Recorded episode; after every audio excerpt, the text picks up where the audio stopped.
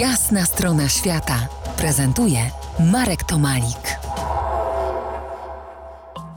Po jasnej stronie świata Jack Różycki, w Australii zawodowy pisarz, yy, przez kilka lat redaktor Australian Geographic. Rozmawiamy o nieistniejącym pociągu widmie Sugar Train, o australijskiej nostalgii za tym pociągiem. Yy, Jack, yy, pociąg kursował niezmiennie przez 80 lat, zaopatrując ludność żyjącą na odludziu niemal we wszystko, co do życia potrzebne. Ale na przestrzeni dekad to wszystko się przecież zmieniało. Kiedy jeździły jeszcze pociągi parowe, pociąg z zaopatrzeniem musiał się zatrzymać o wiele częściej. Właśnie co kilkadziesiąt kilometrów, aby nałożyć zapasy węgla, wodę do parowozu. Pociąg wyruszał w trasę z Port Augusta, Port Augusta, w każdy czwartkowy ranek. Tak, regularnie. Nie wiem, co im się tak spieszyło. Taki pociąg wiózł cały zapas potrzebny człowiekowi do życia, nie tylko jedzenie, ale paliwo i nawet wodę na kilka e, tygodni, bo osady wzdłuż szlaku były położone zupełnie na pustyni, z żadnym albo bardzo ograniczonym dostępem do wody i tam bardzo rzadko tam deszcz pada. Także woda przyjeżdżała pociągiem. Jak zawsze mamy w tej historii Polaków, w zasadzie jednego Polaka. Zygmunt. Mowa o panu Zygmuncie.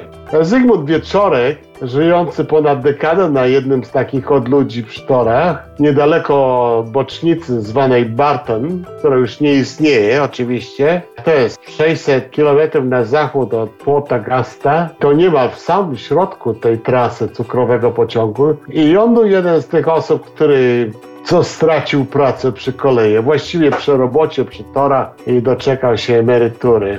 No i pan Zygmunt, znany po australijsku jako Zygi, jak żeś powiedział, Zygi, wiedział, że żeby trzymać się przy zdrowiu na takim odludziu, musiał mieć witaminy i elementy odżywiające. Także kupował tuziny i tuziny tych Milo i na pewno prawdopodobnie Mur beton stanowił już dużą część jego diety. A, a potem co zrobić z tymi puszkami? No więc pan Zygmunt zbudował część swoich auty, rudery właściwie z tych puszek. Podobno miał przy sobie y, siedem psów, a materiały właśnie do chaty, nie tylko puszki, o których wspomniałeś, różne deski, podkłady kolejowe, taszczył na piechotę z odległości ponad 30 kilometrów.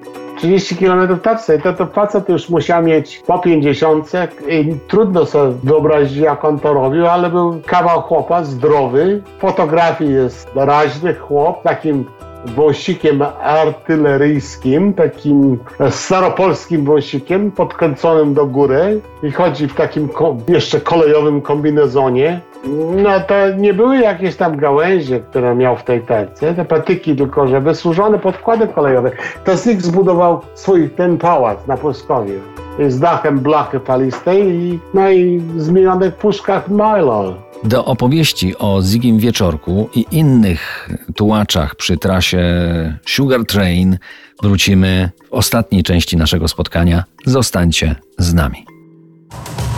To jest jasna strona świata w RMS Classic.